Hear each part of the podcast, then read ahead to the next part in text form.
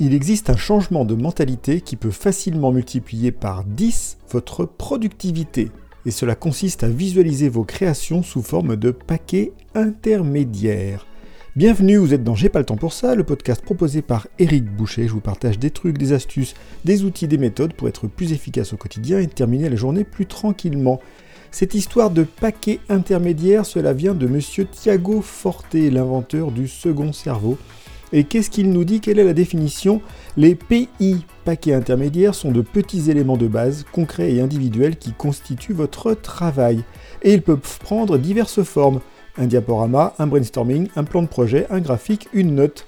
Il les considère comme des blocs de Lego qui peuvent être assemblés pour former quelque chose de plus grand que les pièces individuelles.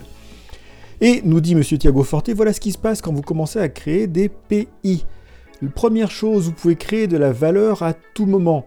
Bloquer plusieurs heures pour un travail en profondeur est difficile. Au lieu de ça, réfléchissez quel est le paquet intermédiaire le plus précieux que vous puissiez créer dans le temps, l'énergie et l'humeur dont vous disposez actuellement?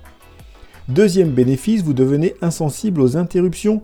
Puisque vous ne travaillez que sur une petite partie à la fois, vous pouvez plus facilement reprendre là où vous vous étiez arrêté lorsque vous avez été interrompu.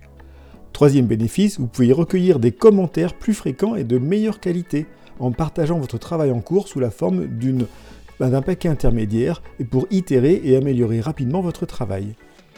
Quatrième bénéfice, les grands projets deviennent moins intimidants. C'est un classique en décomposant le projet grand projet en multiples paquets intermédiaires, vous les créez un par un. Et enfin, dernier bénéfice, vous n'aurez plus jamais besoin de repartir de zéro. Vous enregistrez et réutilisez vos paquets intermédiaires pour de futurs projets. Et donc la proposition suite à cela, qui était dans l'article également euh, de Thiago Forte, c'est de cette semaine de créer un paquet intermédiaire par jour si vous voulez essayer une chose que vous pourrez réutiliser à l'avenir pour vous faciliter la vie et votre travail. Voilà, c'est donc la proposition de Thiago Forte sur les paquets intermédiaires. Ces éléments de base concrets individuels qui vont constituer le socle de votre travail.